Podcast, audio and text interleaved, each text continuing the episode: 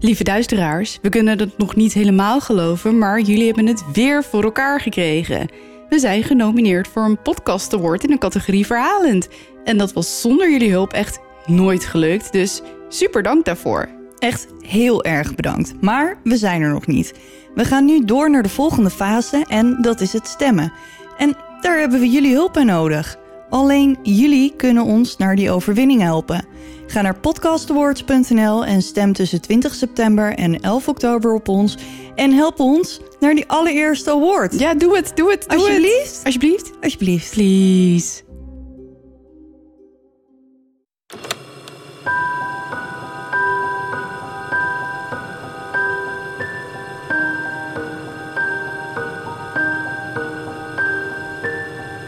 Dit is Duister. Een podcast waarin je wordt meegenomen naar het onbekende, het onbegrijpelijke. Zwarte bladzijden van de geschiedenis komen voorbij. Hier hoor je de verhalen achter moord, doodslag en onverklaarbare gebeurtenissen. We kruipen in de hoofden van een serie moordenaars, heksen, mythische wezens. Luister en huiver duister. Hallo lieve duisteraars. Hoi. Welkom bij aflevering 18. Ja, leuk dat jullie allemaal weer luisteren. Ja, dat vinden we altijd heel erg leuk. Zeker. Hoe is het met je? Ja, goed. Druk geweest afgelopen week. Je hebt ineens heel kort haar. Het staat je echt heel leuk. Ik heb inderdaad heel erg kort haar. Of tenminste heel kort. Het komt nu tot aan mijn kin ongeveer. Ehm, ja, ik mocht eindelijk weer naar de kapper. Voor Ja. het eerst in, eh, nou, een jaar, denk ik. Want ik had het heel lang uitgesteld. En toen ik eindelijk op het punt stond om te gaan, toen begon de crisis. ja. Ehm, dus ik dacht nu, het moet, ik moet er nu echt aan geloven. En eh, ja, het staat je heel een leuk. stuk af. Nou, dat zeg ik. Het staat je heel leuk. Dank je. Dank je.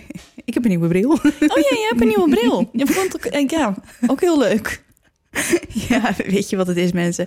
We dachten, we gaan wat leuks vertellen, maar we weten eigenlijk niet zo goed wat. Want ja, de afgelopen week is er niet zo heel veel gebeurd in ons leven. Maar ik wilde, we krijgen heel veel de vraag of Kim haar favoriete podcast wil aanraden. Ja. Ehm, of ik weet niet of jij die vragen ook hebt gelezen, maar bij deze wil je, wil je dat doen? Ja, ik ehm, zal ik er nu even drie geven. En Ja, dan post ik van de week gewoon even de top eh 10. 10, Ja. denk ik. Ik denk dat ik wel aan 10 kom. Oké. Ehm, mijn favoriete podcasts zijn, ik denk Crime Junkie.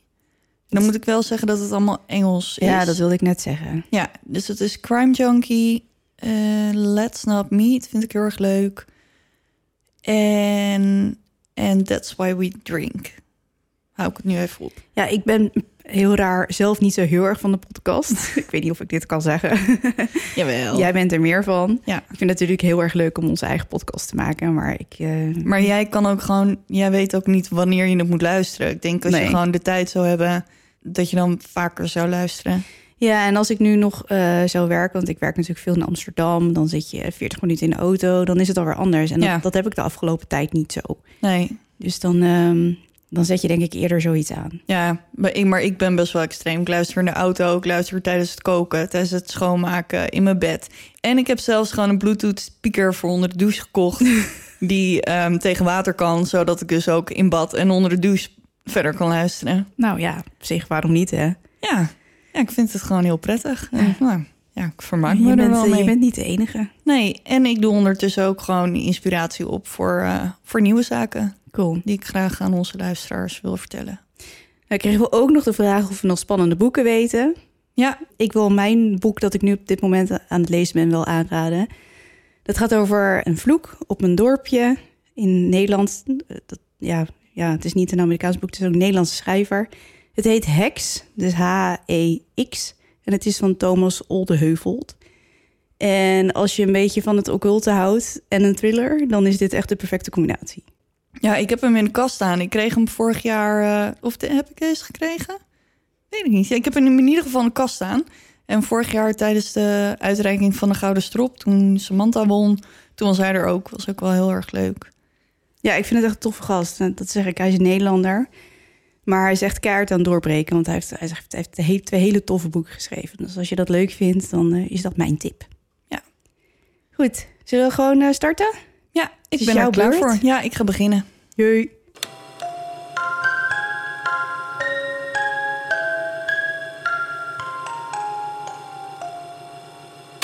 We gaan vandaag een tijdreisje maken. Leuk. Ja, het was alweer even geleden, zeker Ja. twee afleveringen.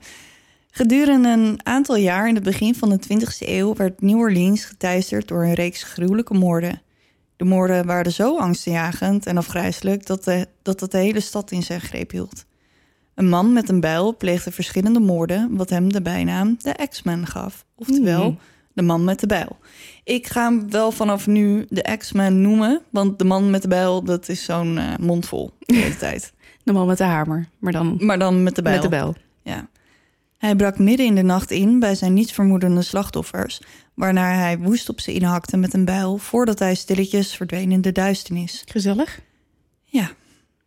Er worden, net als bij Jack the Ripper, talloze slachtoffers aan hem gekoppeld, maar eigenlijk weet niemand zeker hoeveel slachtoffers hij echt gemaakt heeft. Hoe dan ook, tegen de tijd dat de aanval in oktober 1919 plotseling eindigde, waren er minstens een dozijn mensen aangevallen en werden er minstens zes mensen op bloedige wijze vermoord. Oh. Maar ik begrijp hieruit dat ze niet weten wie dit was. Is? Is was? Dat klopt. Goed, we gaan naar 1911. We eindigen in 1919, maar we beginnen even in eh, 1911. Oké. De officiële moorden van de X-Men vonden plaats tussen 1918 en 1919, maar wordt gedacht dat de man al eerder slachtoffers maakte, dus daar ga ik nu maar beginnen. Tussen 1911 en 1912 vonden er verschillende gruwelijke bijlmoorden plaats in New Orleans. Hoewel de verslagen vaag zijn, weten we dat een eh, krantenartikel in New Orleans, gedrukt in 1918, een interview bevatte met de gepensioneerde rechercheur die de aanvallen van de X-Men vergeleek met verschillende Italiaanse kruideniers die vermoord waren door een maniak met een bijl. Oh, wacht. Hier heb ik wel eens van gehoord. Ik weet het fijner er niet meer van hoor, maar dit komt me bekend voor. Het is op zich geen onbekende zaak. Dus nee, zou ik heb ergens kunnen. wel ooit een keer iets opgepikt hierover, maar... Ja. Ik ben blij dat je zo'n slecht geheugen hebt. Dan kan ik je af en toe nog iets nieuws vertellen. nou, goed zo. Zwangerschapsdementie, hè, denk ik. En daartussenin ook. Als je niet zwanger bent. Nee joh, nee joh. Nee. Niet? Nee man, ik onthoud alles. Mhm. Oké, nou ik ga maar gewoon weer verder. De slachtoffers uit 1911, in de meeste gevallen getrouwde stellen, lagen te slapen toen iemand door de panelen in de achterdeuren van hun huizen brak en ze doodde in hun slaap met een bijl. De panelen? Ja, ik denk dat je dat je moet voorstellen, je kent toch wel van die deuren heb je hier. Ik moet even om me heen kijken. Ja, als je hier naar de deur kijkt, je hebt, jij hebt dan aan de bovenkant van je deur glas. Mhm. En de onderkant zitten twee van die inge, Ingevreesde ingevreesde stukken. stukjes. Ja. ik weet wel wat een paneeldeur is. Maar ik denk dat je, dat je je zoiets moet voorstellen. Oké. Volgens krantenartikelen was de naam van de eerste slachtoffers Cruti.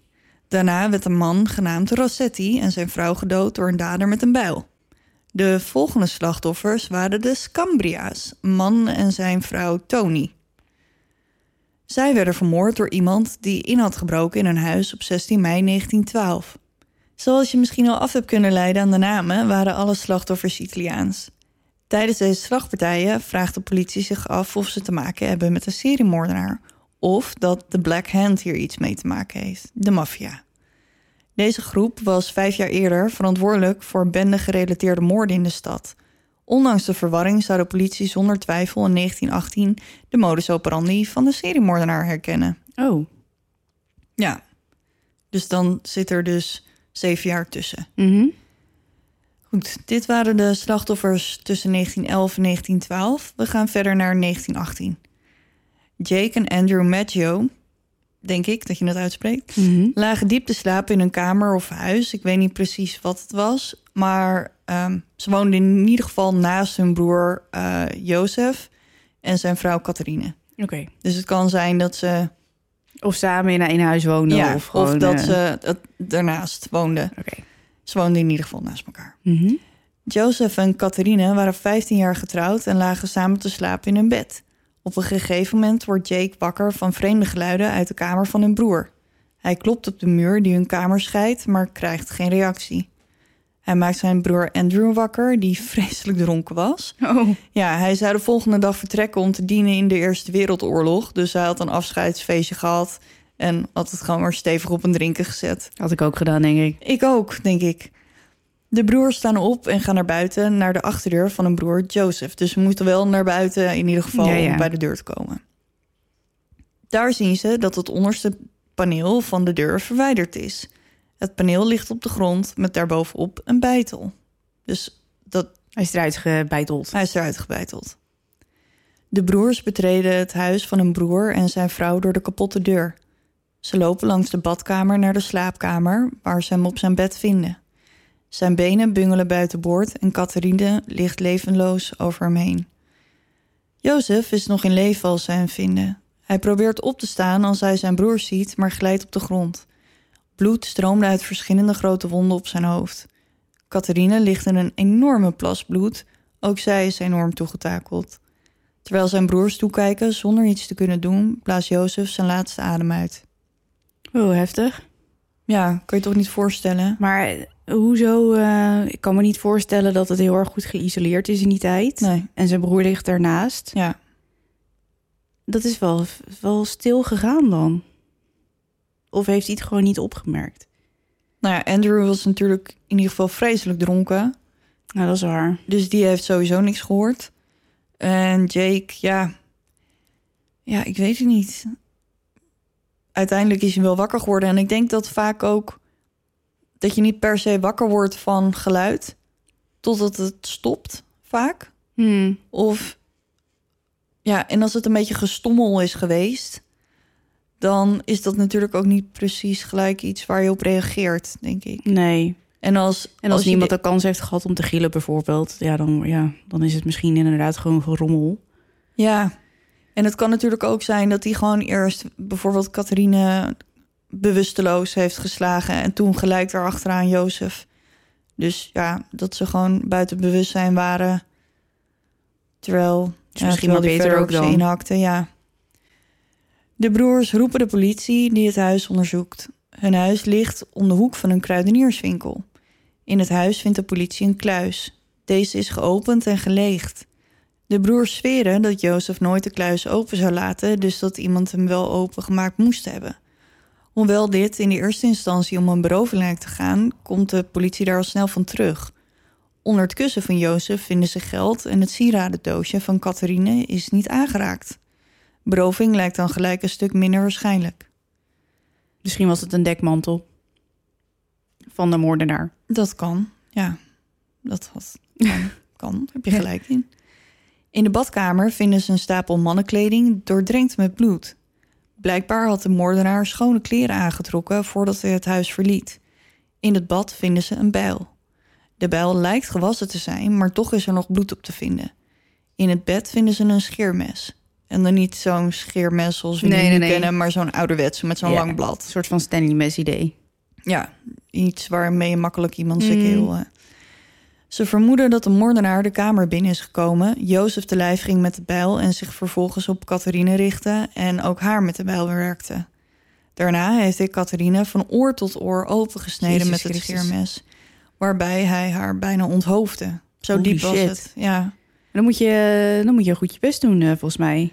Ja, Ik heb wel eens gehoord dat het niet heel makkelijk is om eh, door zoveel lage huid en spieren en een luchtpijp heen te snijden. ja. Dat, eh, en een ruggengraat zit er ook nog tussen. Heftig, man. Ja. Maar ja, volgens mij moet het bloed dan ook alle kanten opgespoten Ja, hebben. Tenzij ze al dood was.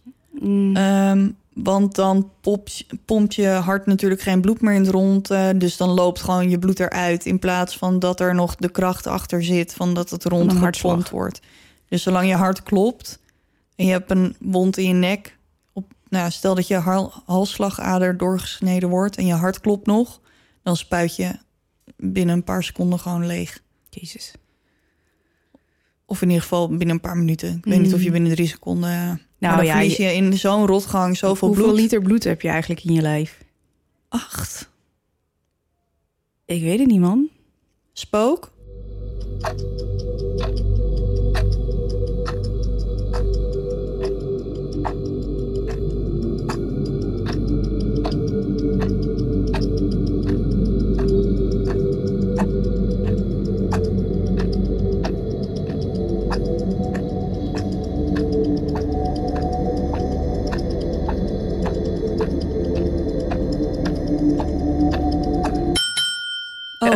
Er heel dus wat dik- anders. Ik zat er dus echt dik naast. Een vrouw zit tussen de... Een vrouw heeft Vier- vaak 4,5 liter. Ja, en, een man, iets de- meer. iets meer. Zes. Zoiets. Ja, wat zei je nou? Vijf en een half. Ook bijna hetzelfde. Oh, dat, ik dacht wel meer, joh. Ik ook. Ik Hoe weet dat je met, bij acht. met een zwangerschap krijg je wel meer bloed. Omdat je dat dan moet delen met, Met je baby. Met je baby. Maar ik wist niet... Het is- klinkt zo weinig. Ja. Hoeveel liter water? Misschien ben je daarmee in de war. Ja, ik weet het niet. ik heb geen idee. Ik, eh, Nee. ah, er kwam in één keer acht bij me op. Goed, weer wat geleerd. Zo educatief, deze podcast. Nou, echt. Ze denken dat ze tussen twee en drie s'nachts vermoord werden. Oh, Dus dat, ja, nou, ik bedankt dacht, voor deze toevoeging. Ja, ik dacht, ik maak, ik maak het even af. Kun netjes. Ja. Al snel komen ze erachter dat het scheermes dat gebruikt werd tijdens de aanval van de broer van Jozef was, Andrew. Hij was een barbier in de buurt. Andrew gaf toe dat hij het mes mee naar huis had genomen om het te repareren omdat er een stukje uit het lemet was. Hij zwoer dat hij niets te maken had met de aanval op zijn broer en schoonzus. Dat kan toch ook niet? Hij lag toch te slapen daar? Dat is niet echt een alibi. Nou, nee, maar... Hij was dronken. Ja, is ook niet echt een alibi. Nee. Laat me nou even verder vertellen. Twee dagen later wordt hij gearresteerd. In eh, de New Orleans Times pleit hij voor zijn onschuld. Hij was het niet, wedden? Quote. Het is vreselijk om beschuldigd te worden van de moord op je eigen broer... als je hart al gebroken is door zijn dood. Helemaal nu ik op het punt sta naar de oorlog te vertrekken. Ik had zwaar gedronken. Ik was zo dronken dat ik een geluid uit de kamer naast me nooit had gehoord. Als ze verder geen bewijs tegen Andrew kunnen vinden... wordt hij vrijgelaten uit de gevangenis. Want hij had gewoon een alibi. Hij was gewoon in de kroeg met dit zijn maten. Ja, maar hij was dus... Ja, maar dat, dat hij thuis was, lag te slapen... dat is niet echt een alibi. Nee, maar ik weet dat als sommige mannen drinken... dat ze dan wat agressiever kunnen worden. Maar dat je Ja. dan, als je zo laveloos zuipt... en dan nog een moord pleegt, is wel knap dan. Ja, Nee man, maar hij, was blijkbaar ook thuis gekomen... dus hij was ook niet instabiel genoeg om... eh, Nee, maar misschien is hij eh, gebracht door zijn maten, weet jij veel. Nee, hij was het niet. Ik dacht dat- Mijn gevoel dacht zegt dat hij het niet was. Nee, we weten toch ook niet wie het gedaan heeft. Dus het is... Nee, maar hij niet. Nee, hij sowieso niet. Een paar straten bij de plaats delict vandaan vindt de politie een mysterieuze aanwijzing. Een cryptisch bericht dat op de stoep eh gestoepkrijt is in een kinderlijk handschrift. Er Ja. stond... Mevrouw Maggio zal vanavond opzitten, net zoals mevrouw Tony. Oh, hemel. Ja, want mevrouw Tony is die van Mhm, uit 1911. mhm. Denken we, weten we niet zeker. Nee, nee, nee. De politie schreef het bericht op in hun notitieboekjes. Ze vroegen zich af of het bericht misschien hintte dat het iets te maken had met, nou ja, Tony Chiambra. We gaan een maand verder, naar juni 1918. Op 27 of 28 juni, dat werd me niet helemaal duidelijk, kwam broodbezorger John Zanka aan bij een kleine kruidenier die gerund werd door een Pools immigrant. Louis Besumé, of Bessemer, of zoiets. Louis. Als hij daar aankomt en zijn brood wil afgeven, ziet hij tot zijn verbazing dat de winkel gesloten is. Aangezien hij regelmatig langskomt, weet hij dat de winkel al open zou moeten zijn. Hij vindt het zo raar dat hij besluit om achterom te lopen naar de achterkant van de winkel. Hij weet dat Louis daar woont en klopt op de deur om te kijken of alles goed is. Louis opent de deur, zijn gezicht onder het bloed. Oh, Louis legt aan John uit dat hij was aangevallen en wijst naar de deur van de slaapkamer. John snelt naar de slaapkamer en ziet bloederige voetstappen die de kamer uitkomen. De vrouw van Louis, Anna, lag op het bed. Haar lichaam bedekt met een in bloed doordrenkt laken. wow. En dan heeft hij niet... Nee, hij heeft geen alarm geslagen, blijkbaar. Waarom niet? Dat weet ik niet. Wat, huh, dat is wel een beetje Of vreemd. misschien kwam hij door het geklop van, van John bij. Ja, oh, dat zou kunnen. Dat hij natuurlijk gewoon bewusteloos... eh, ja, en dat maar hij had er al wel toegedekt? Of Ja, was hij dat niet? Dat weten we niet. Oh, ja, oké.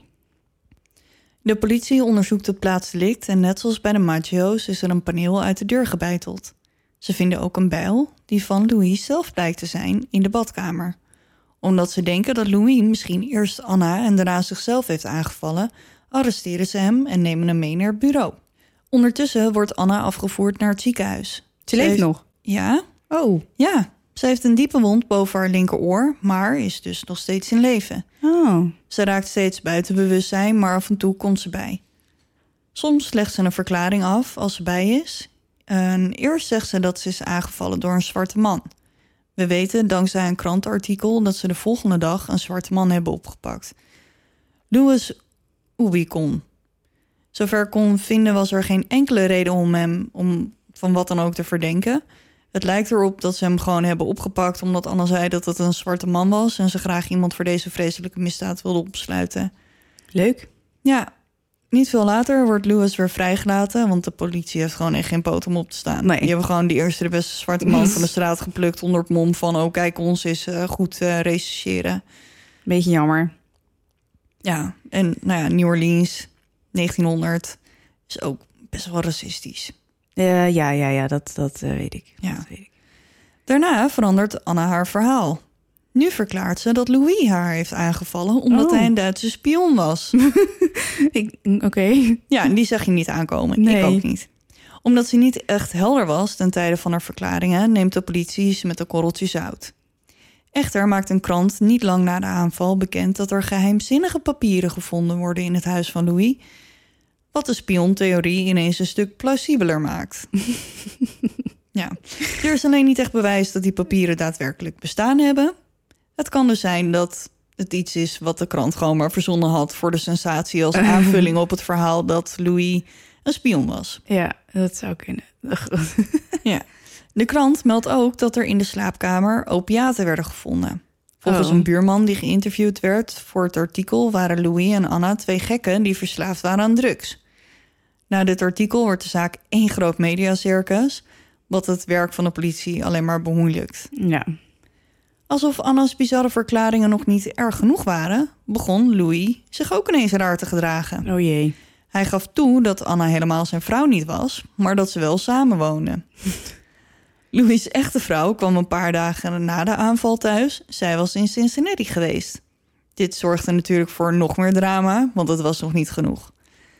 Louis vroeg aan de politie of hij de zaak zelf mocht onderzoeken. En dat maakte hem alleen maar nog meer verdacht bij de politie.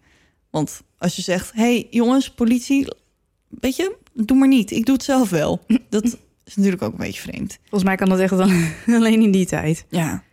Na een tijdje begint het de politie te dagen dat Louis en Anna steeds valse verklaringen afleggen, gewoon om elkaar maar dwars te zitten. Als alles helemaal uit de hand begint te lopen, nemen federale agenten het over. Acht maanden later moet Louis voorkomen, hij wordt vrijgesproken. Tegelijkertijd worden er twee detectives van de politie gedegradeerd naar een lagere functie voor onac- onacceptabel politiewerk. Omdat ze gewoon zo... Wat een zooitje. Ja. We gaan nog even terug naar Anna. Maar we zijn geen stap verder bij de moordenaar. Nee, maar we gaan wel even terug naar Anna. Tijdens de aanval werden er zenuwen in haar gezicht beschadigd. Doktoren dacht ze, dachten dat ze dat wel konden repareren, dus planden ze een operatie. Op 5 augustus 1918 doen de artsen een poging om Anna's gezicht te herstellen, maar deze poging mislukt. Twee dagen na de operatie overlijdt Anna door compli- complicaties van de operatie. Oh. Ja, dat is best treurig. Dan overleef je die aanval Ja, en dan sterf je door een operatie. ja, Hm. ja. Heel sneu. Ja. Op dezelfde dag dat Anne overlijdt, komt Edward Snyder thuis na een ongewoon lange dag op zijn werk. Als hij binnenkomt, valt het hem op dat het er onnatuurlijk stil is. Hij loopt zijn slaapkamer binnen en vindt zijn zwangere vrouw bloedend in hun bed. Oh god. Haar schedel is opengespleten en de tanden zijn uit haar mond geslagen. Ze wordt met spoed naar het ziekenhuis gebracht. Na twee dagen komt ze bij en is in staat de politie wat details van de aanval eh, te vertellen.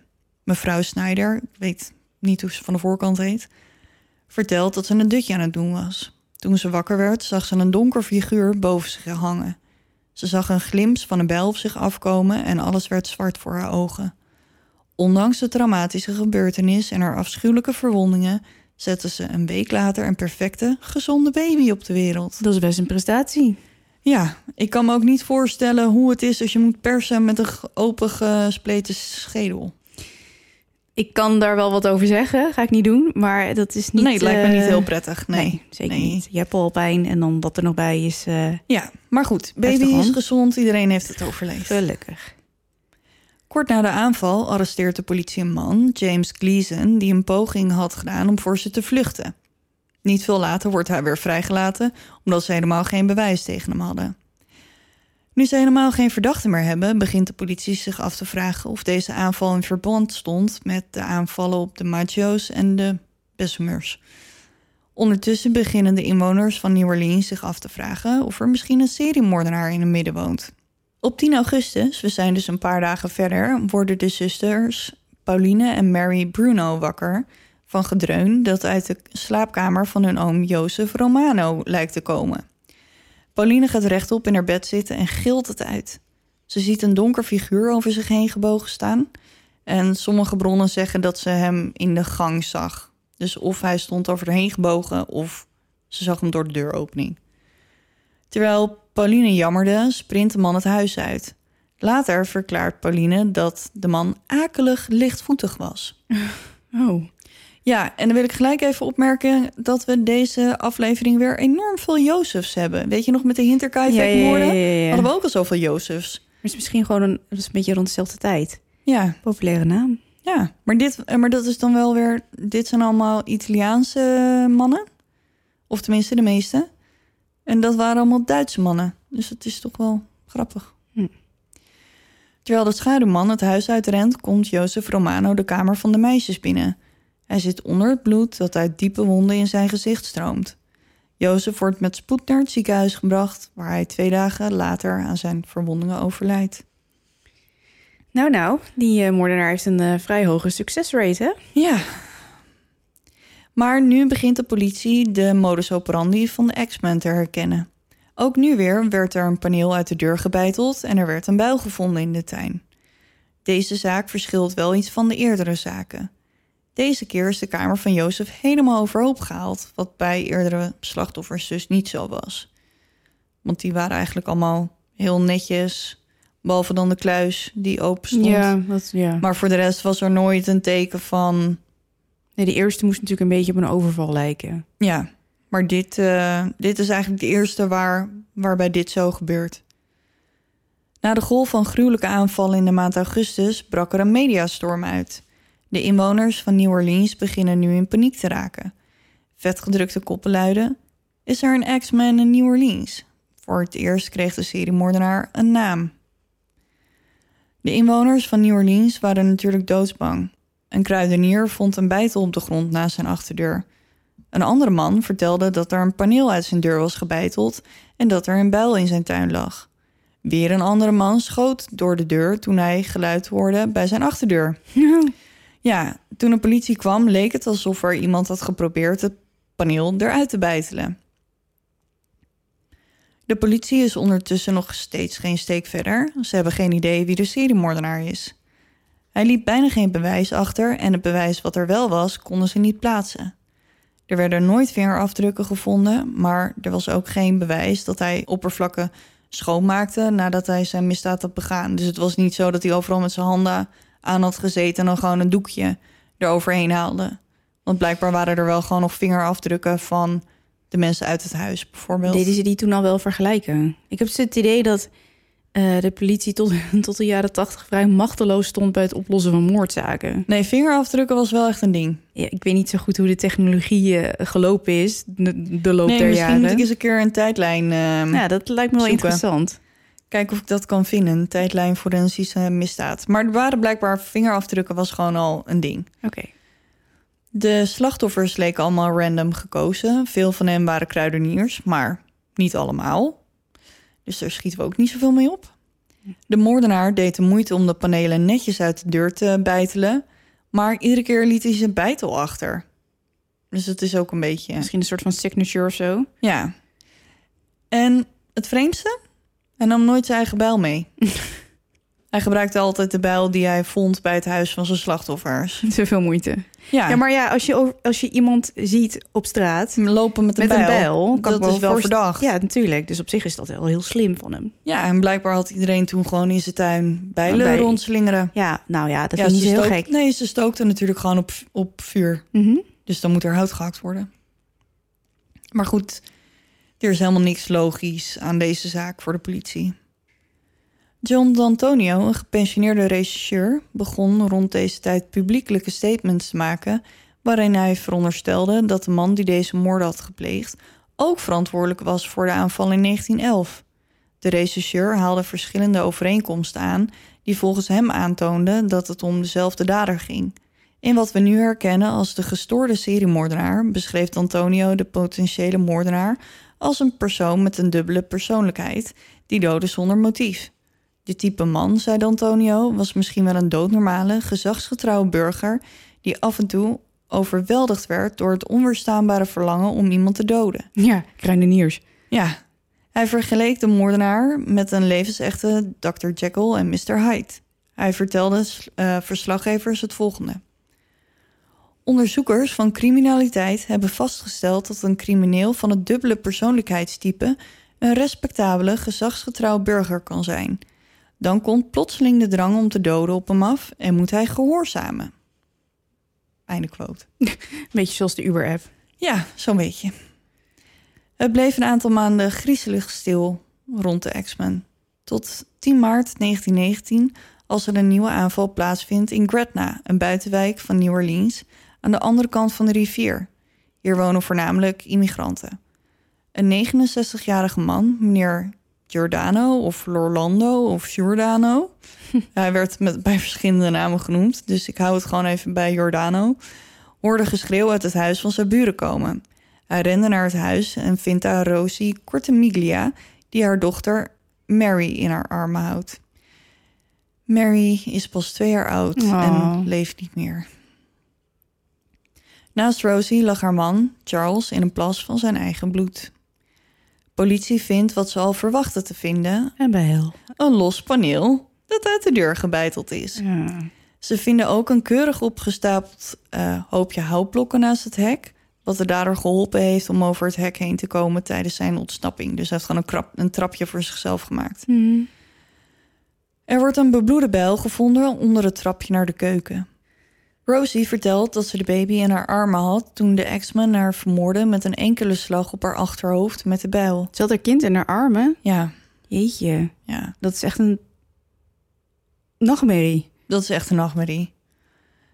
Haar man, Charles, vocht met de ex-man. Hij kreeg meerdere slagen op zijn hoofd met de bijl, waardoor zijn schedel gebroken werd. De politie vond geen vingerafdrukken en er waren geen waardevolle spullen verdwenen. Rosie was ook gewond. Zij had diepe gapende wonden in haar gezicht.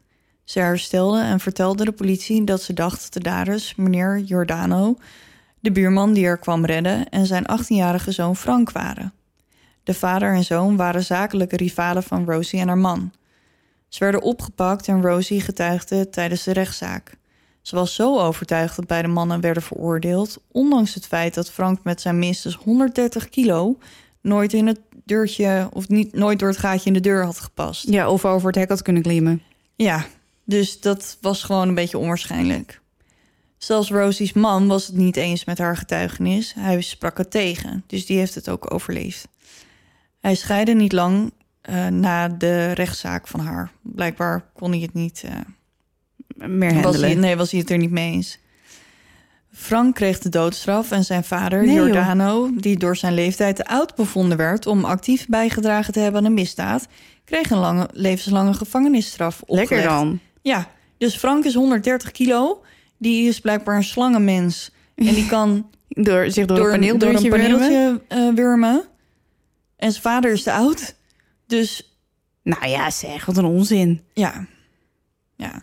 Maar hun straffen worden later ingetrokken... nadat Oh. er een reeks nieuwe bizarre gebeurtenissen plaatsvinden. Maar dat, toen was Frank toch niet al gedood, hoop ik. Nee. Oh, gelukkig. Drie dagen na de aanval op Rosie en Charles kreeg een journalist van de New Orleans Times een merkwaardige brief.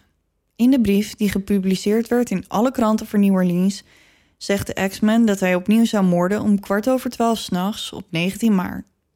Maar hij zou iedereen die dan jazzmuziek zou draaien of spelen sparen. Wow, wacht. Ja, ja, ja, ja. ja. In de brief, gedateerd op 13 maart 1919, met het woord hel aan de bovenkant van de pagina, is het volgende te lezen. En ik heb hem helemaal vertaald. Oké. Geachte sterfelijke. Leuk. Leuk, hè? Goeie opening. Ja. Ze hebben me nooit gepakt en dat zullen ze ook nooit doen.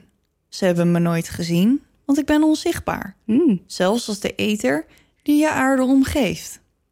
Ik ben geen mens, maar een geest en een gevallen demon uit de heetste hel. Ik ben wat jullie Orleanians en je dwaze politie de X-Men noemen. Als ik het goed vind, kom ik terug en claim ik andere slachtoffers. Ik alleen weet wie ze zullen zijn. Ik zal geen aanwijzing achterlaten, behalve mijn bloedige bijl, besmeurd met het bloed en de hersenen van hen die ik naar beneden heb gestuurd om een gezelschap te houden. Als u wilt, kunt u tegen de politie zeggen dat ze me niet moeten opjagen. Natuurlijk ben ik een redelijke geest. Ik neem geen aanstoot aan de manier waarop ze hun onderzoek in het verleden hebben uitgevoerd. In feite zijn ze zo dom geweest dat ze niet alleen mij amuseren, maar ook zijn satanische majesteit, Francis Jozef, etc. En dan is Frans Jozef de keizer van Oostenrijk. Maar zeg dat ze oppassen. Laat ze niet proberen te ontdekken wie ik ben. Want het was beter dat ze nooit geboren waren dan zich de woede van de X-Men op hun hals te halen. Ik denk niet dat een dergelijke waarschuwing nodig is, want ik weet zeker dat de politie me altijd zal ontwijken, zoals in het verleden. Ze zijn wijs en weten hoe ze weg moeten blijven van alle kwaad. Ongetwijfeld zien jullie, Orleanians, mij als een vreselijke moordenaar. Dat ben ik ook, maar ik zou veel erger kunnen zijn als ik dat zou willen. Als ik zou willen, zou ik elke avond een bezoek aan uw stad kunnen brengen. Ik zou naar believen duizenden van uw beste burgers kunnen doden, want ik sta in nauwe relatie met de engel des doods.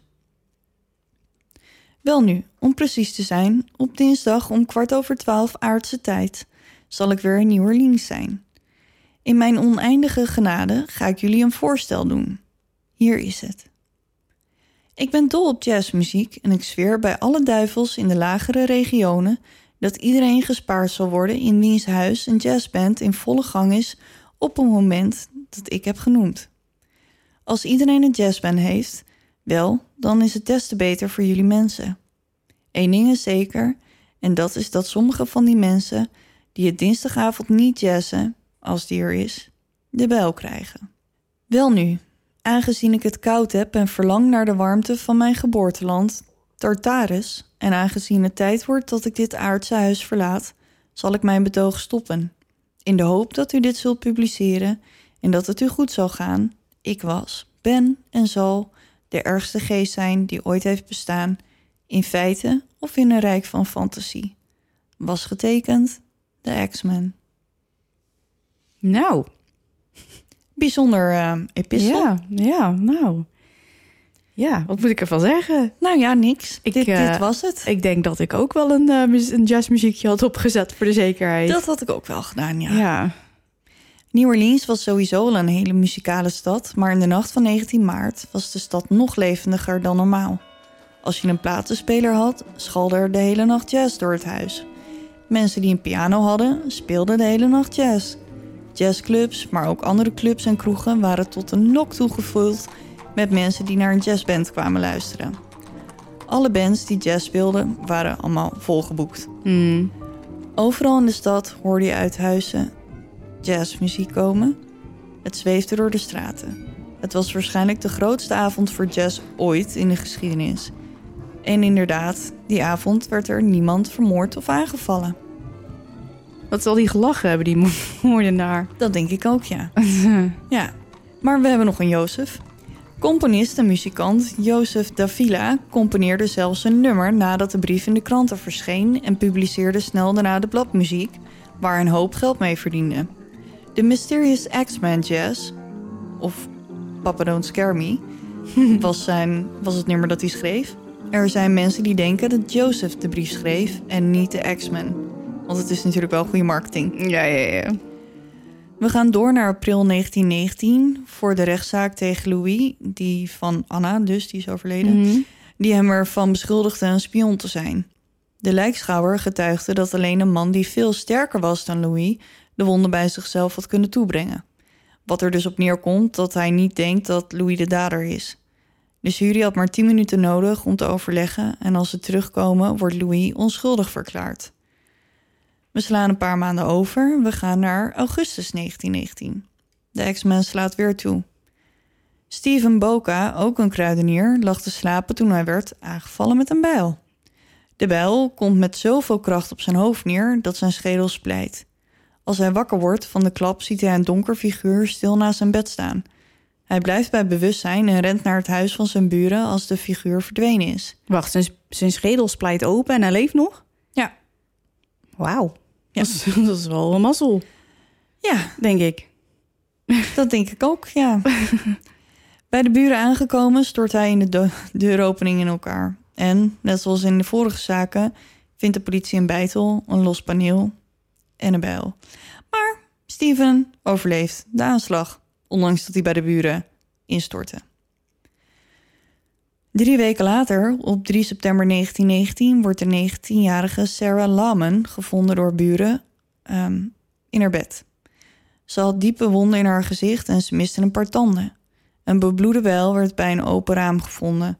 Het leek erop dat de dader hier door naar binnen was gekomen, want er was nergens een bijtel te vinden en ook geen schade aan de deuren. Hmm. Dus dat is een afwijking. Sarah herstelt van haar verwondingen. Ze kan zich alleen helemaal niks herinneren van de aanval. Oké, we zijn bijna aan het eind. Ik heb nog één laatste slachtoffer voor je. Op 27 september vonden er gebeurtenissen plaats die de politie hun beste verdachte tot nu toe zou geven. In de vroege uurtjes hoorde Esther de geluiden van een gevecht uit de kamer van haar man komen.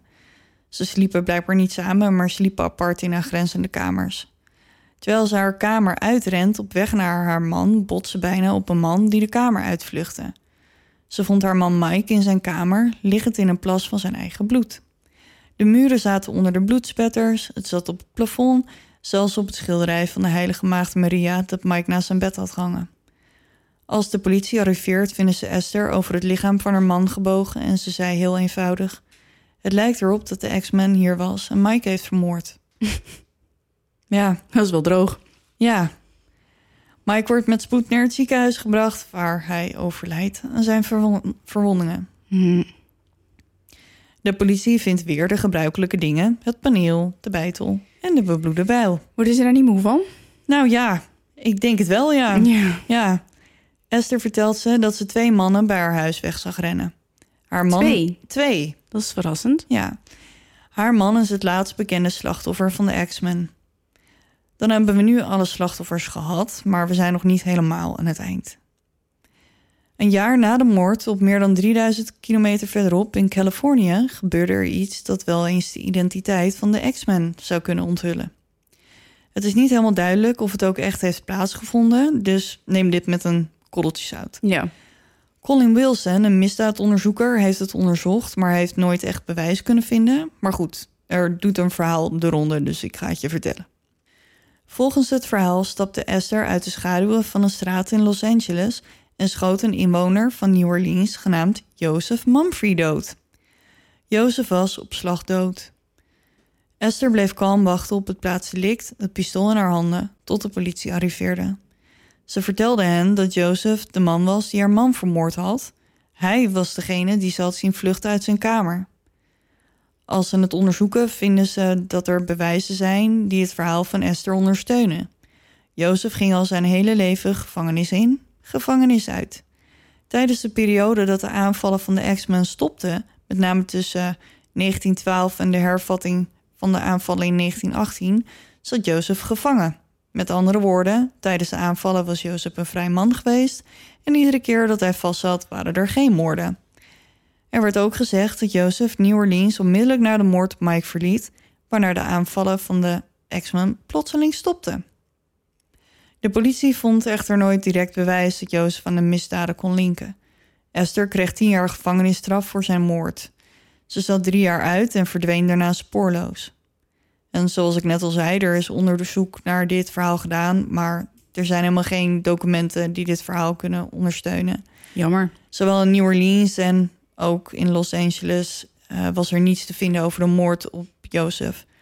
En andere onderzoekers hebben zich verdiept in Esther en hebben geen verslagen kunnen vinden over dat ze gearresteerd is of vastgezeten heeft. Er is ook nog een piepklein beetje goed nieuws. op het eind zo. Oké. Als vader Jordano en Frank besmet raken met de pokken, trekt Rosie haar verklaring tegen de mannen in. Ze gaf toe dat ze tegen de politie had gelogen. Ze zag gewoon haar kans schoon en wilde haar rivalen uit de weg ruimen door ze voor de moord op te laten draaien. Beide mannen worden vrijgelaten uit de gevangenis. Nou, dat is tenminste iets. Ja, dus die waren gewoon alle twee kruidenier. Ja, ja. En ja, zij dacht, uh, joejoe. ja veel plezier. Ja, gewoon, die heeft gewoon gebruik gemaakt van de gelegenheid. Maar goed, mijn verhaal zou natuurlijk niet compleet zijn zonder theorieën. Dus ik heb ze even op een rijtje gezet. De Black Hand. De meeste aanvallen van de X-Men waren op Italiaanse-Amerikaanse kruideniers. Dit heeft ertoe geleid dat sommigen geloofden dat ze allemaal het slachtoffer waren geworden van een vroege vorm van de maffia, de Black Hand of de Zwarte Hand. Black Hand Crime is een naam die wordt gegeven aan een afpersingsmethode die op dat moment in Italiaanse buurten werd gebruikt. En daardoor linkten ze de moorden aan onbetaalde afpersingsschulden. De X-Men liet echter vaak slachtoffers in leven, wat volgens veel maffia-experts ja, niet het geval zou zijn geweest als het echt aanvallen van de Black Hand zouden zijn geweest. Dan heb je nog de Siciliaanse immigranten die de autoriteiten wantrouwden. Daardoor namen ze hun geschillen in eigen hand en regelden ze dat op de ouderwetse manier, beter bekend als de vendetta. Nee. De vendetta zou heel goed de reden geweest kunnen zijn achter een aantal aanvallen. En ja, een vendetta betekent dan zoiets als bloedwraak. Mhm. Nee, nee, nee, dat, nee, nee, dat doet me niks. Nee, nee, Nee. voel je niks bij? Nee. Nou, dan hebben we toch nog eh Jozef Mumfrey. Ja, hij was het. Ja, ik heb hem al eh, besproken net. En ondanks dat er eigenlijk geen bewijs is, zou het toch zomaar kunnen. Ja, hij is wel most likely, vind ja, ik. en wie weet wat er door de jaren heen ook allemaal verloren is gegaan. Hè? Ik Mhm. bedoel, we zijn meer dan 100, tot 100 jaar verder en we hebben oorlo oorlogen, overstromingen, van alles gehad. Branden, denk ik, die een hoop eh, verloren hebben doen. Doen gaan, ja. Dan hebben we nog de copycat killers, dus de naapers. Mhm. Hoewel de X-Men een heel aparte modus operandi had, waren niet alle moorden hetzelfde. Waardoor sommigen dachten dat de X-Men in feite meerdere mensen waren die al dan niet samenwerkten om de gemeenschap te terroriseren. Dan hebben we nog de goddeloze demon. Het lijkt mij nog een beetje onwaarschijnlijk, maar hey, hè, we moeten toch alle opties open houden.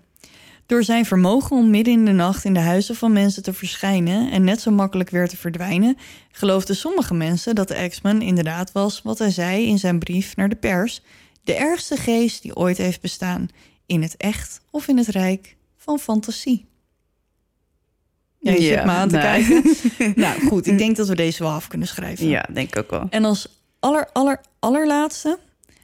Er doet een foto de ronde waarvan mannen zeggen... Mannen, mensen bedoel ik eigenlijk. Menselijke mannen. Menselijke mannen, als het maar geen demonen zijn. dat het een foto van de X-Men is. De foto zou het werk zijn van Eduard Martel. Ik denk niet dat die man Martel heet. een Franse fotograaf die begin 20e eeuw... door de eh, Verenigde Staten reisde... terwijl hij zijn nieuwe camera-uitvinding testte. Een camera met automatische belichtingsinstellingen... en een sluitermechanisme bevestigd aan een instelbare timer. Sowieso. Ja, deze foto was een van de vele foto's gemaakt door eh Eduards nieuwe camera... die hij vaak voor de mensen verborgen hield... om zoveel mogelijk spontane foto's te maken. Ze waren zich er dus niet van bewust dat er foto's gemaakt werden. Ze gedroegen zich allemaal natuurlijk. In 1955 overlijdt Eduard en zijn dochter erft al zijn foto's. Op een dag zitten ze te bekijken als ze een foto tegenkomt die gedateerd is op 28 oktober 1919. Op de foto is een rij huizen langs een lege straat te zien, waarschijnlijk in de vroege uurtjes. Haar vader had nooit wat met de foto gedaan, omdat je in een portiek een man een huis ziet betreden, maar door de beweging van de man is de foto dus wazig, want hij bewoog. Ja. Het verhaal gaat dat het huis waar de man naar binnen gaat, het huis van Mike Pepitone is. Mensen zeggen dat ze zien dat de man een bijl bij zich heeft, maar om eerlijk te zijn, ik zie alleen maar een wazige vlek. dus ik zal hem op de website zetten. Dan kan je het voor jezelf eh, beoordelen. Het is wel, ja, het is wel echt een man. Dat zou het zijn. Maar of hij nou een bijl in zijn handen heeft, dat durf ik niet te zeggen. Hm. Dat was het voor vandaag. Jeetje, nou. Ja, het was weer een eh, lange. Ik ja, weet het. Ik denk niet dat we er ooit achter komen wie het wel was. Denk ik ook niet. En helemaal omdat er ook helemaal geen vingerafdrukken, geen... Er is gewoon helemaal, helemaal niks. Noppes. Nee. Ben je... Ja, zullen we gewoon gauw verder gaan? Ik weet dat we normaal een soort van conclusie hebben, maar mijn, Ja. ik, mijn, eh, mijn kant is ook best wel... Ja, Best wel dus lang. ik denk dat de conclusie gewoon is... we weten niet wie het gedaan heeft. We weten niet dat of gaan het, we er, ook niet meer, dat gaan we ook niet meer vinden. Joh. of het er maar één was. Of misschien waren het er meer. Ja, Geen idee. Maar laat het ons vooral weten. ja wat je Weet denkt. wat je denkt. ja. Ik, misschien, misschien toch de demon. Misschien. Ja, je weet het niet, hè? Het zou zomaar kunnen. Het zou kunnen. Nou, zal ik, eh, zal ik starten? Ja, start jij maar.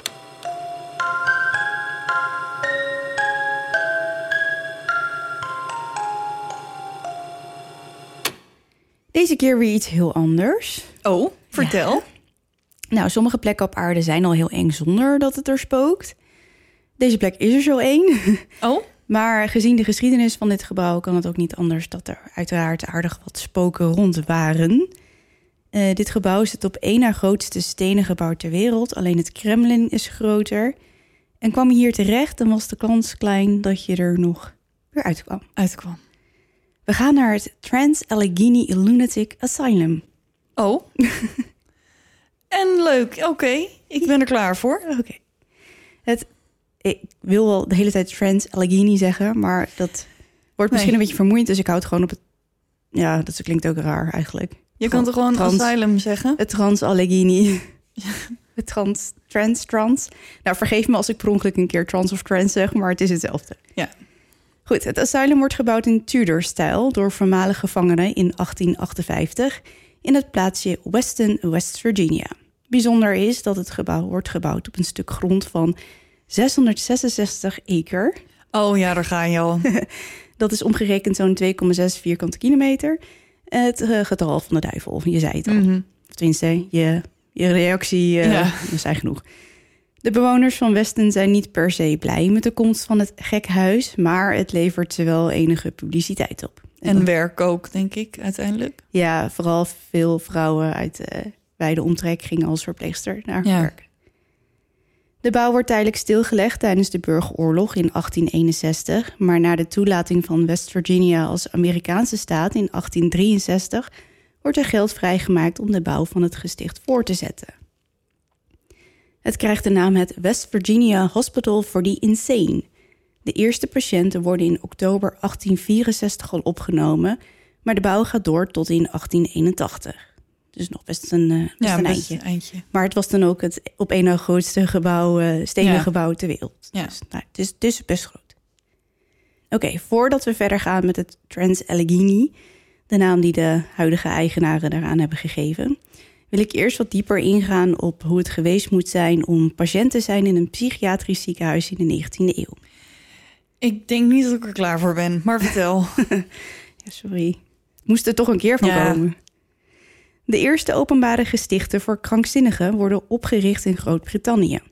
Het aannemen van de County Asylums Act in 1808 stelt magistraten in staat om in elk graafschap gestichten te bouwen om de vele geesteszieke armoedzaaiers te huisvesten. Het eerste openbare gesticht wordt gebouwd in 1812 in Nottinghamshire. In 1828 wordt het mogelijk om als arts een privaat gesticht op te kunnen zetten. Dit moet de arts dan wel zelf betalen. De Lunacy Act uit 1845 maakt de bouw van gestichten in elke provincie verplicht met regelmatige inspecties namens de minister van Binnenlandse Zaken. De wet vereist dat gestichten een schriftelijk reglement en een inwonend arts moeten hebben. Dus dat is op zich al Ja, een kleine vooruitgang. ja. De ideeën over hoe men mentaal zieken moet behandelen veranderen in die tijd radicaal. Waar men eerst geen raad met deze mensen wist, worden er manieren bedacht om patiënten een beter leven te bieden. Vooral voor vrouwen is dit een enorme verbetering. In de 18e en 19e eeuw is het gebruikelijk dat wanneer een vrouw trouwt, al haar bezittingen worden overgedragen aan haar man. Voordat zij trouwt is ze bezit van haar vader. Mhm. Het overkomt vrouwen dan ook nogal vaak dat als zij er een andere mening op nahouden dan hun lieftallige vader of echtgenoot, of wanneer ze naar de geboorte van hun kind in een postnatale depressie terechtkomen, ze zonder pardon naar het gesticht kunnen worden gestuurd. Honderden mentaal gezonde vrouwen sluiten hun leven in viezigheid, honger, worden vastgebonden en krijgen methodes opgelegd om de gekte uit hen te krijgen. Mhm, ja, echt way to go. Ja. Het is toch erg dat je gewoon... Dat als, dat als je als man denkt, nou, die vrouw die ben ik zat. Of, Ik moet er eh, vanaf, ik kan er niet van moorden. bij de dan- hand. Of eh, ja. Dan ga je gewoon, dan breng je ze ergens naartoe. En dan zeg je, hey, tot later. Deze vrouw is nuts. Ja. Doei doei. En bedankt voor al je geld en bezittingen en de erfenis en zo. En top, dank je. Ja, maar gelukkig waren niet alle mannen zo. Of Nee. vaders. Dat Nee. scheelt. Maar het was wel makkelijk als je het wel was zo wel was. makkelijk, ja, helaas. Maar goed, zo zijn er nog wel meer redenen om in het gesticht te komen. Ik heb enkele bizarre voorbeelden. Oh, Dus hou je vast. ja. Ik moet er zelf een beetje om lachen. Eh, tegen het hoofd geschopt worden door een paard. Oh, Ontrouw. oh. Medicijngebruik ter voorkoming van een zwangerschap. Hysteria. Het ondergaan van een miskraam. Oh ja, want dat heb je ook echt zelf in hand. Mhm. Masturberen en syfilis. Ja, is ook vreselijk. Langer dan 30 jaar masturberen. Nou zeg. Het lezen van een roman. Nou, Het hebben van astma. Het zijn van slecht gezelschap. zo. Ik zou echt zoveel vaak opgesloten worden daar voor van alles. Ja, ik nou heb ja. geloof ik alleen geen astma en geen miskraam. Nee, wees er maar blij om. Eh, ik heb er nog een paar. Het maken van slechte whisky. Wat? Egoïstisch zijn of hebberig of juist lui zijn. Hondsdolheid. Het hebben van een depressie. Het hebben van een andere politieke mening. of het vermoorden van een mens.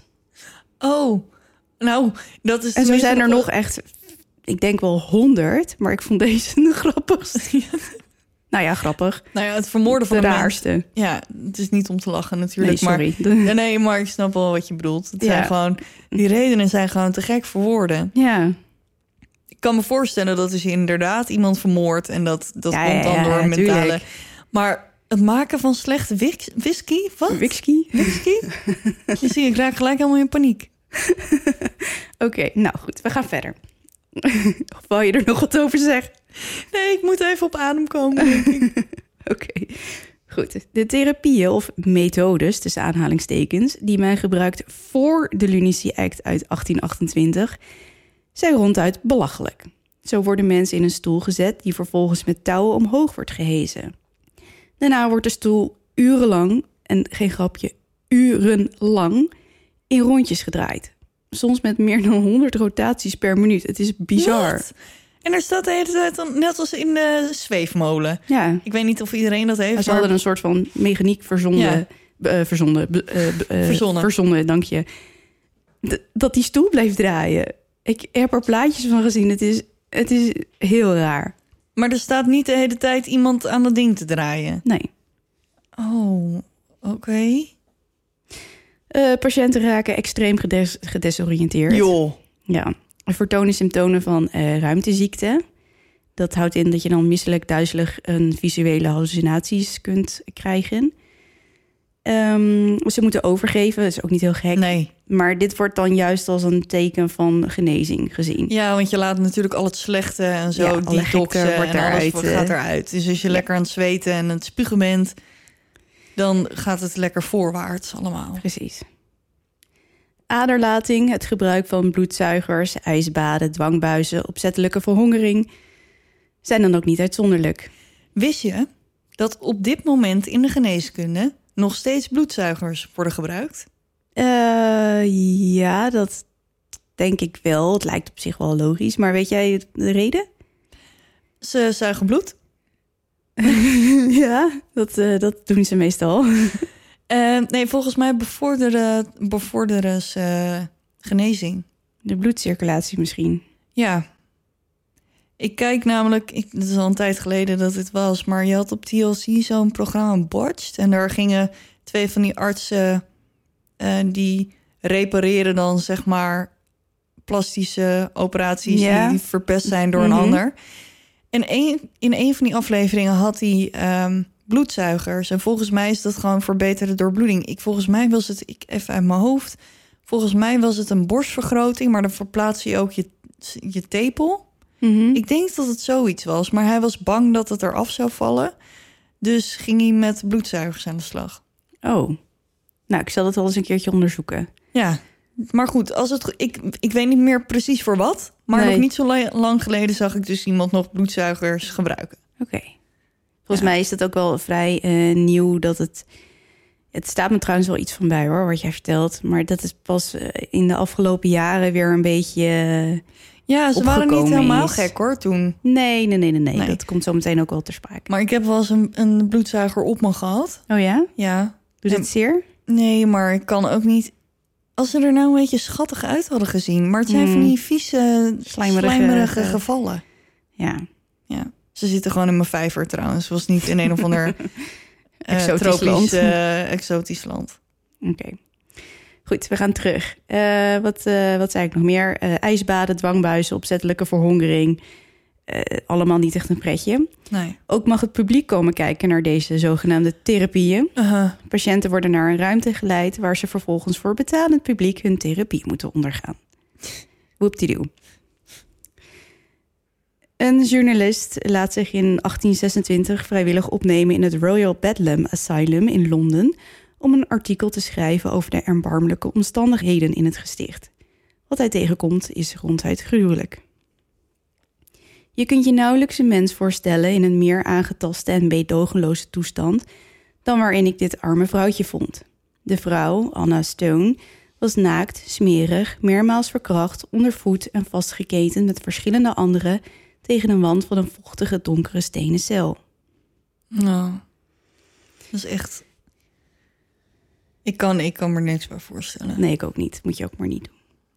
Rond 1838 komt er langzaamaan verbetering voor de arme patiënten die in deze ellende moeten leven. In het Lincoln Asylum in Engeland werkt Dr. Robert Gardner Hill met de steun van Edward Parker Charlesworth aan een behandelingswijze die geschikt lijkt voor allerlei soorten patiënten, zodat lichamelijke beperkingen en dwang kunnen worden afgeschaft. Een werkwijze die hij uiteindelijk bereikt in 1839.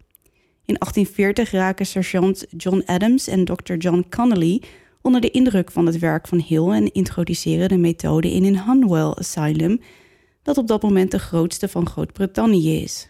Het systeem van Hill wordt wel wat aangepast, omdat Connolly niet de middelen heeft om elke begeleider zo goed te begeleiden zoals Dr. Hill dat doet. De jaren die volgen komt er een verandering op gang en tegen september 1841 is er geen lichamelijke dwang voor geen enkele patiënt in geen enkel gesticht meer nodig. Dat is wel echt een vooruitgang. Zeker. Oké, we gaan terug naar het Weston, het Trans-Allegheny. Ja. Want daar heeft ondertussen een naamsverandering plaatsgevonden. Dus het ziekenhuis heet niet langer het Western Virginia Hospital for the Insane, maar krijgt een nieuwe naam, het Trans-Allegheny Lunatic Asylum. En ik zei net, de huidige eigenaren hebben het veranderd. Ja. Maar dat komt omdat het hierna nog twee keer een andere naam Oh, krijgt. dus het krijgt weer een soort van zijn originele naam Ja. terug. Oorspronkelijk hoeft het Trans-Allegheny maar 250 patiënten te huisvesten, maar dit aantal wordt al snel bereikt. Te snel. Omdat het gebouw groot is en het een zooitje op straat is en de gevangenis er overvol, worden er telkens nieuwe patiënten toegelaten. In 1880 zijn er al zo'n 717 patiënten. In 1938 zijn het er 1661 Wauw. en meer dan 1800 inwoners in 1949. Hoe kan het nou? Op het hoogtepunt verblijven er 2600 patiënten in 1950. En 250 waren, was het voor gemaakt? Ja. Uit een rapport uit 1938 van een enquêtecommissie, georganiseerd door een groep medische organisaties, blijkt dat het ziekenhuis de meest zware gevallen in huis heeft. Epileptici, alcoholisten, drugsverslaafden, schizofrenen, borderliners, niet opvoedbare patiënten met mentale defecten en zelfs moordenaars. Uit een reeks rapporten van de Charleston Gazette uit 1949 blijkt in een groot deel van het complex ook nog eens slechte sanitaire voorzieningen, onvoldoende meubilair, verlichting en verwarming aanwezig te zijn. Omdat het gesticht overvol is, staan er overal bedden, in de gangen, de gezamenlijke ruimtes, zelfs in de keuken. Toch is er een tekort aan bedden. Patiënten mogen een bed kiezen waar ze maximaal acht uur mogen slapen, voordat ze het moeten afstaan aan een ander. Ja, dus ze moeten gewoon roleren. Ja. Vele andere patiënten slapen gewoon op, Op de vloer. grond, ja. Er is geen tijd en niet genoeg personeel om het gebouw schoon te houden. De badkamers zijn smerig, de ramen bijna zwart van de schimmel en de viezigheid. Het stinkt er en het is er behoorlijk lawaaierig. Kinderen huilen, er wordt geschreeuwd, manisch gelachen en gesmeekt. Kortom, het Trans Allegheny begint steeds meer op een levensechte hel te lijken. Maar hoe komen die kinderen daar? Ja, weet je, het is niet heel fijn, een verhaal, dit, dit verhaal. Maar patiënten worden gewoon verkracht. Ja, en die dan komen er zwanger. baby's. Ja. En dan komen de baby's. ja, en er zullen ook wel zwangere vrouwen gewoon binnenkomen. Hmm. Misschien zijn er wel... Is er wel verplegend personeel dat ook niet helemaal binnen de lijntjes blijft? Nee, het was echt een complete puinhoop. Ja, chaos. Ja. Door de extreme overbevolking en wildgroei aan patiënten ontstaat er dus een tekort bij de verpleging. Gemiddeld heeft één arts meer dan 400 patiënten. Het idee om patiënten niet meer te willen vastketenen wordt nog wel intact gehouden. Maar sommige patiënten zijn zo onhandelbaar dat ze dan maar worden opgesloten in kooien. In deze kooien kan men alleen liggen, meer bewegingsruimte is er niet. Soms worden mensen hier dagen achtereen in opgesloten. Andere methodes om onvoorspelbare patiënten te kalmeren worden ontwikkeld, zo ook de lobotomie. Ik heb het er al eens eerder over gehad, maar voor wie het niet meer weet, we gaan er even wat dieper op in. Tijdens de ingreep wordt de verbinding van het frontale deel van de hersenen door een incisie bijna geheel verbroken met de grote hersenen. De chirurg boort eerst twee gaten in de schedel van de plaatselijk verdoofde patiënt en maakt daarna de incisie in de hersenen. Later ontstaat er een snellere methode zonder boren. Een ijspriem wordt onder plaatselijke verdoving boven de oogbal onder het ooglid door de schedel ingedreven en dan in de hersenen heen en weer bewogen totdat de verbinding in de hersenen totaal verbroken is. Ja, en jij zegt onder plaatselijke verdoving, maar ehm, Dat was vooral een slok alcohol. ja, als we dat überhaupt al kregen. Ja, Kan je het je voorstellen dat Nee. iemand een ijspriem in je hersenen door je oogbol. boren? Nee, kan ik me niet voorstellen. In de eerste instantie lijkt de patiënt daadwerkelijk genezen van zijn of haar gekte, maar die genezing gaat wel ten koste van diens persoonlijkheid, intellect en onafhankelijkheid. Een discutabel deel van de patiënten wordt misschien wel beter handelbaar voor de omgeving, maar gedraagt zich volkomen apathisch naar de ingreep. Sommigen raken hun eigen persoonlijkheid volledig kwijt, kunnen niet meer zelfstandig eten, aankleden of überhaupt communiceren. Dr. Walter Freeman, werkzaam als hersenarts bij Trans Allegheny, voert tijdens zijn dienstjaren zo'n 4000 lobotomies uit. Of lobotomies. Hij verfijnt de ijspriemmethode, waardoor het hem op een bepaald punt nog maar 15 minuten kost om de patiënt te helpen. Ik zou zeggen, de vernieling in te helpen. Ja, lekker lopende bandenwerk. Hup, jongens, een beetje doorwerken. Dan hebben we zo meteen helemaal zo mak als een lammetje. Ja, nou precies dat. Kijk, dat die mensen helemaal niks meer kunnen. Ja, dat is dan weer wat anders. Maar hè, je hoeft ze in ieder geval niet meer in bedwang te houden. Nee, daar heb je gelijk in. Het, eh, het is dan ook zo'n 4000 keer eh, gelukt. Gelukt, ja. Ja. Nou, dan hebben we nog een andere beruchte therapie en dat is de insuline-shocktherapie. Die het klinkt best wel heftig en dat is het ook wel. Eh insuline-shocktherapie of insuline-comatherapie is een behandeling waarbij patiënten herhaaldelijk worden geïnjecteerd met een grote dosis insuline om gedurende enkele weken dagelijkse coma's op te wekken. Door de grote dosis insuline keldert de bloedsuikerspiegel, waardoor de hersenen niet genoeg voeding krijgen, Ja. tussen aanhalingstekens, en de patiënt in een coma laten belanden. Patiënten bij wie de diagnose schizofrenie wordt vastgesteld, worden geselecteerd op basis van een goede prognose en de fysieke kracht om deze zware behandeling te doorstaan. De dagelijkse insulinedosis wordt geleidelijk verhoogd tot 100 tot 150 eenheden, totdat er een comatueuze staat wordt bereikt, waarna de dosis weer wordt afgevlakt.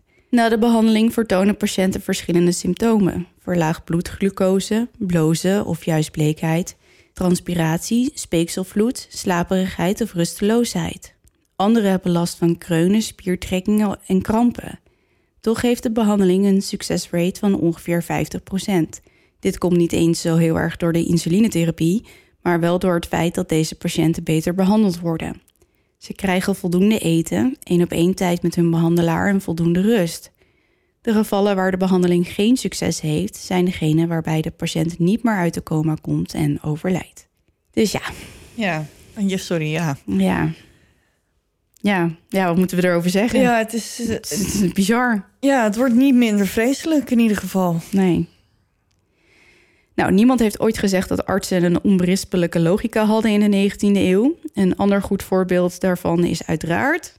Shocktherapie? Nee, epileptische therapie. Nou, daar heb ik dus echt nog nooit van Nou, gehoord. ik ook niet, maar ik kwam het tegen.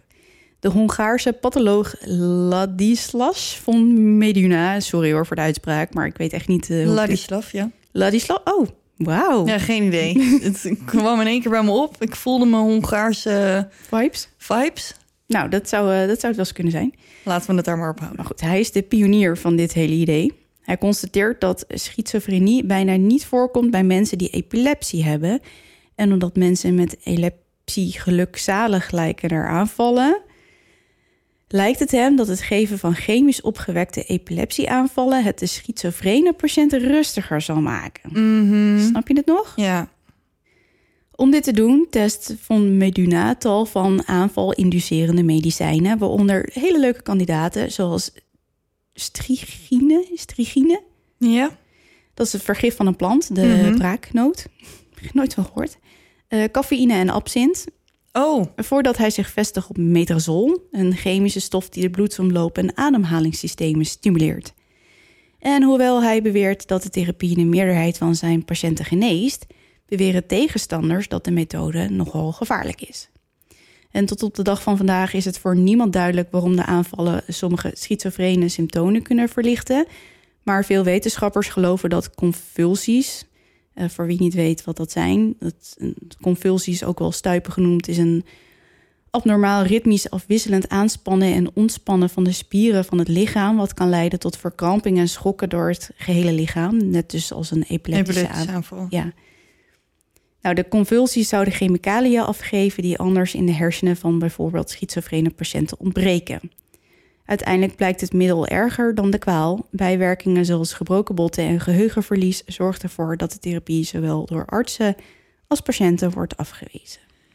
Nou, dat lijkt me redelijk verstandig. Ja, maar het werkte dus wel. Ja, Maar dat zeg ik, het middel is erger dan de kwaal. Ja. Dus- maar ik kan me wel voorstellen dat, dat, zeg maar, dat je in je hersenen iets mist. En dat je dat Ja, met iets anders... Ja, dat is met antidepressiva bijvoorbeeld hetzelfde. Mhm. Dus ik kan me wel voorstellen dat je zoiets... Op zich zat hij best goed in, in die hoek te denken, maar de het was ook was behoorlijke tijd van ehm, eh, ontdekken en proberen uit te vogelen hoe je dat... experimenteren. Ja, precies. Ja. Een andere, niet zo fijne behandeling is eenzame opsluiting. Sommige onhandelbare of gewelddadige patiënten worden zonder pardon in de isoleercel gestopt. Iedereen kan zich wel voorstellen hoe zoiets eruit ziet en hoe dat dan in zijn werk gaat. Maar ik heb een beetje uitgezocht wat er kan gebeuren tijdens zo'n eenzame opsluiting, want eenzaam was het en helemaal in het Trans Allegheny. Patiënten die in de isoleercel terechtkomen krijgen het stempel onhandelbaar en gewelddadig, zoals ik net al zei. Mhm. Richtlijnen waren er nog niet echt, zeker niet begin 19e eeuw. Patiënten krijgen één keer per dag brood en water.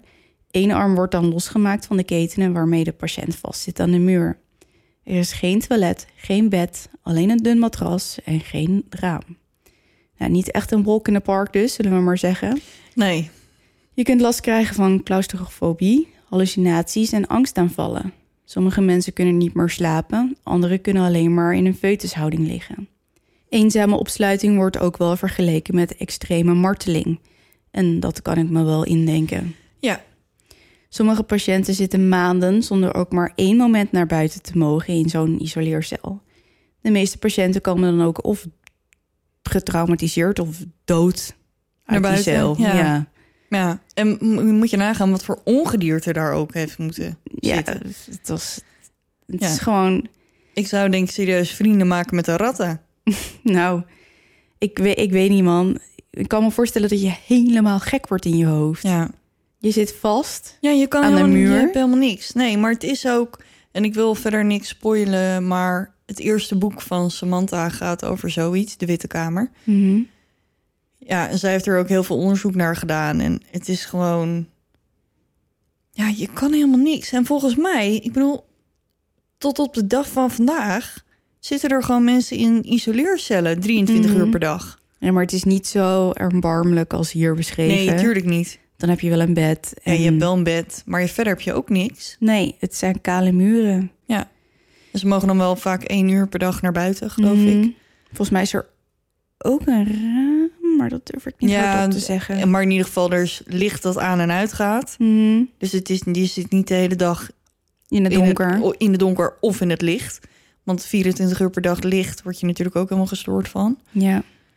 Dus het, tuurlijk is het beter geworden. En ze zullen geen vlooien en geen kakkerlakken en zo hebben. Maar Nee. en ze hebben natuurlijk gewoon een toilet en zo. Maar voor de Mhm. rest, ja. Nou, nu we dat allemaal weten, kunnen we weer terug naar de Trans Allegheny. Het is ondertussen wel duidelijk dat deze plek geen pretje is. Met op het toppunt ruim 2600 patiënten en erg weinig toezicht gaat het dan ook mis. Zo ook voor één patiënt die niet door de handen van een arts sterft, maar door zijn eigen kamergenoten. Mind you, dit gebeurt allemaal ergens rond 1980, dus vrij recent. Ja, Deze brute moord vindt plaats op afdeling F, waar op dat moment de ergste criminelen van het heel Trans-Allegheny gehuisvest zijn. Helaas weet ik alleen de naam van Dean, maar dit is hoe het verhaal gaat. De kamer waarin de moord plaatsvindt wordt de Bedpost Murder Room genoemd. In deze kamer verblijft een tijdje lang Dean, die afasie heeft opgelopen na een trauma. Een A staat voor niet en fasie staat voor spreken. Dus afasie houdt in dat er mogelijk hers- hersenletsel is, eh, waarna iemand dus niet meer in staat is om, om te spreken. om te spreken. Toch is Dean wel in staat om te communiceren. Hij doet dat via tekeningen. Maar soms, als hij zich onbegrepen voelt, kan hij gewelddadig worden. Hij begint dan te bijten en om zich heen te slaan. Eén keer vliegt hij een zuster naar de hals. Toch is hij over het algemeen best lief.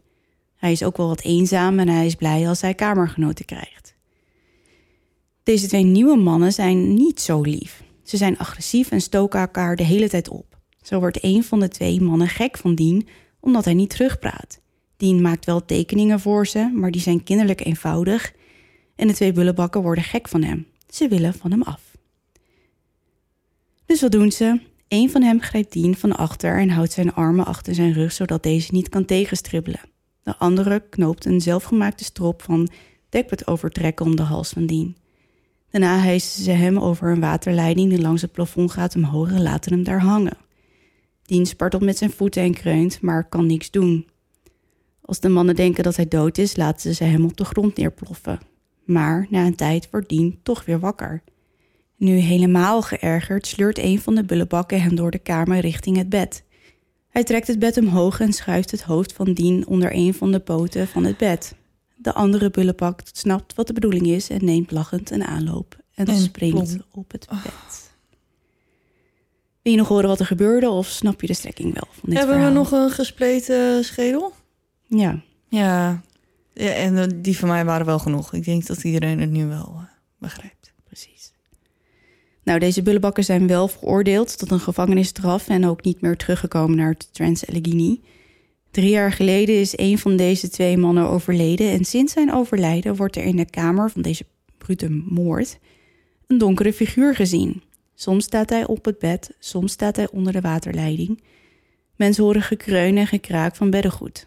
En you tell me, zou dit lievertje zijn teruggekeerd naar deze kamer? Dat zou zomaar kunnen. Ja, Of was het Dean? nee, dat denk ik niet. Nee, die was wel eerder teruggekomen.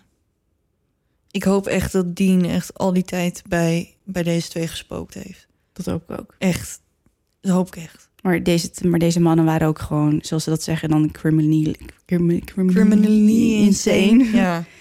Ja, dus gewoon, eh, die hadden nooit, die hadden Nee. gewoon niet daar moeten zijn. Nee, die hadden gewoon ergens eh, op- opgesloten in een hokje moeten zitten. Nou goed, we hebben natuurlijk nog meer spoken. Want hoe kan het ook anders? Ja, er moeten er een hele hoop zijn. Precies. Een ander spook dat veel wordt gezien en gevoeld is Ruth. Zij werd opgenomen in het Trans-Allegheny vanwege ernstige verwardheid. Ook had ze een hekel aan mannen. Eerst verblijft Ruth een tijdje op de begane grond, waar ze nog enigszins vrij kan bewegen. Maar ze raakt steeds meer verward en agressief en dus wordt ze naar de vierde verdieping naar afdeling C gebracht, waar zich de gesloten vrouwenafdeling bevindt. Omdat Ruth telkens zo verward is, wordt ze nog agressiever. Ze schreeuwt, bespringt de zusters, probeert hun sleutels te stelen en duwt mannen van achter. Ze begint mannen ook steeds meer te haten. Alles wat los en vast zit, gooit ze naar hen en als ze de kans krijgt, duwt ze ze zo van de trap. Oké, ik snap wel waar ze vandaan komt, maar het hoeft niet zo heftig. Nee, Ruth was echt behoorlijk in de war. ik heb niet een ekel aan alle mannen hoor. Nou. Nou, eh, Ik ben gewoon een verbitterde vrijgezel. nou, komt goed, ooit. Ooit. Goed, Ruth wordt vastgebonden in een rolstoel... waaruit ze alleen maar kan s- schreeuwen, janken en rammelen met haar kettingen. Want ze zit vast, Vastgeketend. vastgeketend. aan die stoel. Ja, ja. Een tijdje geleden was er een vrouw met haar dochter op een ghost tour door het gesticht. En zij probeerde Ruth uit de tent te lokken door haar naam te roepen en haar belachelijk te maken. Waarom zou je dat doen? Altijd een goed idee. Altijd een goed idee, jongens. Echt. Als je een spook wil zien, maak ze pissig. Nou, dat hadden ze natuurlijk beter niet kunnen doen. Nadat een IVP-sessie niet opschiet en ze eigenlijk verder willen gaan naar een andere afdeling, hoort de dochter ineens een rammelend geluid. Wie zou dat nou zijn? Ja. Ze draait zich om en ziet een schaduwfiguur een van de kamers inschieten. Ze hoort het rammelende geluid weer. Oké, dit is niet echt chill, denkt ze, en ineens krijgt ze een duw.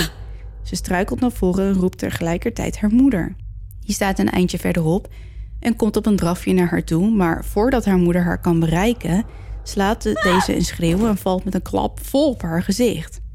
Ze kan zich nog enigszins opvangen met haar armen, maar als ze op de grond ligt, schreeuwt ze nog een keer. Oh my piep god, er zit iets op mijn rug. De dochter wordt lijkbleek en met de angst in haar ogen trekt ze haar moeder omhoog. Verderop in de gang knalt ergens een deur dicht en weer is daar het rammelende geluid. De dochter draait zich om om te kijken waar dat geluid vandaan komt en terwijl ze dat doet, hoort ze opeens in haar oor een keiharde schreeuw. Het lijkt wel alsof er iemand direct in haar oor schreeuwt. Van schrik struikelt ze bijna weer en nu is het de beurt aan haar moeder om haar op te vangen. Ze kijken elkaar aan en besluiten tegelijkertijd dat ze hier als de sonemieter weg moeten. Dat lijkt me niet heel onverstandig. Nee, mij ook niet. Ik was al lang weg geweest. Ja. Op deze afdeling C wordt veel meer activiteit waargenomen. Zoals ik je eerder al vertelde, werden hier de meest onbeheersbare vrouwelijke patiënten gehuisvest. En er wordt gezegd dat het personeel in de gang genoodzaakt achter elkaar moest lopen om te voorkomen dat een patiënt achter hen aankwam of een aanviel of probeerde weg te sluipen met gestolen sleutels. Mannelijke bezoekers worden dan ook aangemoedigd om hun sleutels aan hun broekriem te hangen wanneer ze door de hal lopen. Velen hebben de ruk gevoeld van iemand die de sleutels uit de lus probeert te trekken. Ook horen mensen geschreeuw, gelach, gehuil en een geluid dat lijkt alsof iemand met een metalen pijp op de leidingen slaat. Ook een verpleegster die in 1990 aan het werk is op de vierde verdieping maakt iets bizars mee. Ja, inderdaad, 1990. Ja, Het Trans Allegheny werd pas in 1994 gesloten. zo. Mhm. Dit is wat zij vertelt. De verpleegster staat met haar collega te kletsen bij de zusterpost als haar collega ineens opweert. Zag je dat? De verpleegster draait zich om en ziet niks, maar hoort wel een vaag krakend geluid. Ze kijkt haar collegaatje onderzoekend aan, draait haar hoofd nog eens om en besluit om uit te vogelen waar dat krakende geluid vandaan komt. Het is tenslotte niet de eerste keer dat ze rare dingen zien of horen. Ze loopt de gang in waarna het geluid harder wordt. Ze loopt de tv-kamer in en krijgt zowat een hartverzakking als ze ziet wat de bron van dat krakende geluid is. Het is de oude schommelstoel die uit zichzelf heen en weer schommelt. Oh. Snel loopt ze erheen en laat de stoel stoppen met schommelen. Ze besluit in een soort van opwelling om de stoel in de gang te zetten. Waarom weet ze zelf ook niet precies. Een tijd later, als ze rapporten zit te schrijven bij de zusterpost, ziet ze vanuit haar ooghoek de stoel weer schommelen. Hallo, roept ze zachtjes en abrupt stopt de stoel met schommelen. Ze besluit dat het tijd is voor een koffiepauze. Het is rond 11 uur 's avonds en het is verrassend genoeg rustig op de afdeling. Argwanend loopt ze de andere kant van de gang uit richting de kantine. Na de pauze checkt ze een onrustige patiënt en loopt ze terug naar de zusterpost. Maar tot haar grote verbazing is de stoel verdwenen. Ze zet het bekertje koffie dat ze in haar hand heeft op de balie en holt op een drafje naar de tv-kamer. En wat staat daar? De stoel? Yep, Oké. Was ze alleen aan het werk? ze was alleen. Wandelende patiënten? Denk je? Mm, Denk je echt? Nee, maar ik probeer gewoon een verklaring te verzinnen. Ja, zij ook. Maar ze zei later dat ze dat echt niet wist en dat het best een zware stoel was. Ja. En dat je hem niet kon tillen, maar je moest hem schuiven. En ze was maar tien minuutjes weg geweest om koffie te halen. Mm. Zo zijn er nog wel meer verschijningen in het Trans Allegheny. Twee jonge broers hingen zichzelf op in een badkamer waar ze nog vaak gezien worden. Bied je ze sigaretten aan, dan willen ze nog wel eens de deuren van de toiletten open en dicht doen. Die is makkelijk om te kopen. Mm. Ook de geest van Jacob wordt vaak gezien. Hij was een alcoholist en had last van paranoia. Hij dwelde vaak door de gangen, schreeuwend tegen de zuster dat ze verdomme zijn alcohol terug moesten geven. Wat wel bizar is dat de huidige eigenaren niet van het bestaan van Jacob afwisten, totdat een ghost hunter een EVP opnam met daarop een lallende stem die zei dat hij Jacob heette en dat ze verdomme Verdomme. zijn alcohol moesten teruggeven. Een tijd later ontvangen de eigenaren de persoonlijke papieren van een ex-verpleegster na diens overlijden. Tussen de papieren zat ook een patiëntenlijst. En wie stond daarop? Jacob? Mhm. Dat is wel heel bijzonder. Ja. De geest van Lily wordt vaak gezien in een kamer aan het einde van, de, van een gang op de tweede verdieping. Lily werd geboren in het gesticht. Haar moeder was patiënte Gladys Ravenfield. Niemand weet hoe Gladys zwanger was geraakt, maar waarschijnlijk kun je het antwoord wel raden. Mm. Omdat Gladys niet voor Lily kon zorgen, wordt het meisje opgenomen in het gesticht. Op zesjarige leeftijd sterft Lily plotseling zonder dat ze ook maar één dag de buitenwereld heeft gezien. Lily rolt graag ballen door de gang. Mensen horen haar giechelen. Een ghost hunter zag zelfs een knuffel zweven in Lily's kamer. Ook trekt ze graag aan de broekspijpen van bezoekers en maakt ze veters los. Zo ondeugend. En zo'n Mm. kleine kinderactie is dat. Ja. Nou, dan de laatste van dit verhaal. Deze prettige verschijning heet de Crawler. Oh. Niemand weet of dit een geest of een demon is, maar dit duistere wezen wordt vaak gezien bij de isoleercellen. Hij kruipt op mensen af of gluurt om hoekjes. Soms zit hij op het plafond, soms op de muur. En als mensen hem zien, gaat dat vaak gepaard met een ranzige lucht van rottend vlees. Gezellig type dus. Ja, aangenaam. En ik heb toevallig van de week ehm, Paranormal Lockdown zitten kijken. Ja. De oude variant met Nick en Katrina. Katrina. En ehm, daar wordt die gefilmd, de crawler. Oh. Dus als je het interessant lijkt en je zou het willen zien, dan zou ik zeker even, ik weet niet precies eh hoeveelste aflevering het is of welk seizoen, maar dan kun je vast wel even googlen. Maar ehm, hun cameraman, ze hebben altijd één vaste cameraman Ja, mee. Rob. Rob, inderdaad. Die filmt hem. En inderdaad, je ziet wel iets over de grond Crawlen. slitheren, zeg maar. en dat zou dan de crawler zijn. Ja. En nou ja, hier stopt het verhaal van het Trans Allegheny. Nou, was ook weer zo'n ehm, gezellig Samen zijn. samen zijn verhaal. Nee. Nee, nou, denk dat we wel weer eh, genoeg ellende gehad hebben voor Dat vandaag. denk ik ook wel. Het was wel weer heftig vandaag. Ja, Intens. ja, het lijkt me echt vreselijk als je gewoon geestesziek bent, dat je zo behandeld wordt. Ja, dat mij ook. gewoon... Maar het, is ook zo'n, het was ook gewoon onwetendheid. Ja, is ook En zo. door al deze dingen hebben we wel geleerd hoe we het wel moeten doen. Ja, dat is waar. En daar ben ik het ook wel mee eens hoor. Maar gewoon dat je gewoon... Maar de, je, je bedoelt dat patiënten in die tijd daar nu niks, aan- niks aan hadden. Nee, en dat je ook niet... Ik bedoel, je kan wel omkomen in het werk... en inderdaad met 2600 man opgestapeld in zo'n gebouw liggen. Maar ik denk dat er ook gewoon een hoop menselijkheid verdwijnt. En dat vind ik, ja, dat vind ik denk ik het ergst nog. Dat die Ja. mensen ook gewoon niet alleen... Tuurlijk, die behandelingen, ze wisten niet beter... Maar weet je, er zijn ook zoveel verhalen van verpleging die gewoon misbruik heeft gemaakt Mm. van die mensen. En die mensen die hadden gewoon helemaal niemand. Die waren gewoon alleen op de wereld. Die zaten daar. Die wisten, die wisten ook niet wat ze overkwam. Nee, het is heel onmenselijk, dat klopt. Ja, en dat raakte me denk ik het meest. En tuurlijk, die behandelingen en zo. Ja, je moet toch ergens beginnen. En dat snap ik allemaal wel. Jawel. Maar ehm, eh, ja. ja, maar het is net zoals de middeleeuwen met martelingen. En eh, Ja, eh, gelukkig zijn we een stuk beschaafder geworden door de eeuwen heen. En behandelen we mensen over het algemeen niet meer zo. Nee. En ehm, ik denk dat we wel heel blij moeten zijn dat we in deze tijd leven. En hoe vaak er ook gezeken wordt op, op overheidsinstanties dat het allemaal niet goed gaat. En dat het al, ja, en toch ben ik blij dat ik in Nederland woon. Ja, ik ook. Ja, en tuurlijk, de wachtlijsten bij de GGZ bijvoorbeeld zijn echt enorm lang. Mm. En dat kan... Dus voor een hele hoop wanhopige mensen is dat echt vreselijk. Maar tuurlijk, er moet, daar moet iets veranderen. Tuurlijk. Maar ja, als je denkt hoe het er vroeger aan toe ging... ehm, zijn we wel van heel ver gekomen. Zeker, absoluut. En je hebt gelijk, het, voor, het, het is ook sommige, ik hoor, ehm, volgens mij was dat van de week op het nieuws dat een meisje na vier jaar eindelijk eh, geholpen werd nadat ze vier jaar, op, vier jaar op een wachtlijst had Ja. gestaan. Dat is bizar. Ja, maar stel je nou voor, dan heeft ze het echt lang volgehouden. Want er Mhm. zijn zoveel mensen die hebben niet eens vier weken. Nee man, nee, als je de hand ook in de ring gooit, dan is het gewoon afgelopen. Ja, en ook, weet je, er worden natuurlijk ook nog steeds... Ik zat toevallig ehm Say Do te kijken op Netflix. Mhm. En is een heel ander verhaal, maar ehm, er zit een vrouw in... en die is op heel jonge leeftijd, krijgt zij een diagnose...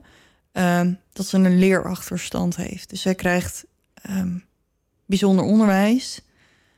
omdat ze tragisch zou zijn van begrip en zo. Dat heeft haar zo erg ondermijnd in haar zelfvertrouwen. En ze werd thuis ook niet echt goed behandeld. Ehm, en zij heeft zich altijd zo dom gevoeld en minder waardig. En ja, dat heeft gewoon invloed gehad op haar hele leven. En nu voor dit programma laten ze haar opnieuw testen. En dan blijft ze, blijkt ze dus dyslexie te hebben. Jezus, En zij heeft dus al die tijd gedacht dat ze- gedacht dat er iets mis met haar was. En dat ze traag van begrip. En hoe kan deze man nou van me houden? En ja, ik ben nooit goed genoeg en zo. En dat zijn ook nog steeds gevallen die nu ook nog steeds voorkomen. Gewoon verkeerde diagnoses met daarbij behorende, ja, verkeerde medicatie bijvoorbeeld. Verkeerde therapieën. En tuurlijk, het blijft allemaal mensenwerk. En nou ja, dat zei ik net ook al, we zijn zo ver gekomen als je kijkt naar hoe het er toen aan toe ging. Nou, ik weet niet, eh, misschien heb je ervan gehoord... of mensen die luisteren die dit onderwerp interessant vinden. Ik weet dat Tycho Gernand een eh, documentaire serie heeft gemaakt. Ja, precies. Ehm, dat is misschien een aanrader. Ik ga er nu niet te veel over vertellen. Maar als je het interessant lijkt, dan zou je die eh, serie kunnen kijken. Volgens mij staat die gewoon op NPO? NPO. Ja. Ja. Oké, zullen, we, zullen we het afsluiten? Want het is volgens mij best wel een lange aflevering geworden. Ja. Ik denk En, niet dat ehm, mensen zullen klagen. Nee, Hoop maar het begint hier aardig donker te ja, worden. het wordt hier in één ik kan keer, je eh, nog net een beetje onderscheiden. Ja, tijd om af te sluiten. En tijd voor mij om nog even een De socials te noemen. De socials te noemen. Instagram, eh, Thuis de Podcast. Dan hebben we nog Facebook. Dat is facebook.com slash Thuis de Podcast. Een invulformulier op duisterdepodcast.nl. Ehm daar kan je zoals altijd eh, het invulformulier invullen. En ehm, daar laten weten wat je wil zeggen aan ons. We Laten hebben weten ook wat je wil zeggen aan ons. ja, dat zeg ik, het is laat. Ehm, maar goed, het invulformulier, Ja. die kan je invullen met je verhaal aan ons. Yes. En daar zie je ook altijd de foto's, de bronnen, filmpjes. Ik heb geen filmpjes deze week. En trouwens ook niet zoveel foto's, want ja, Die 100 zijn er jaar geleden was niet zo. zoveel. Nee, snap ik. Dus we moeten het met een beetje minder doen deze week. Maar ze zijn er wel. Ik heb er genoeg om het goed te maken. Oké. Oké. Nou, dat was hem. Bedankt voor het luisteren. Ja, en onthoud, Blijf in het licht. want je Je weet nooit wat er in het duister op je wacht.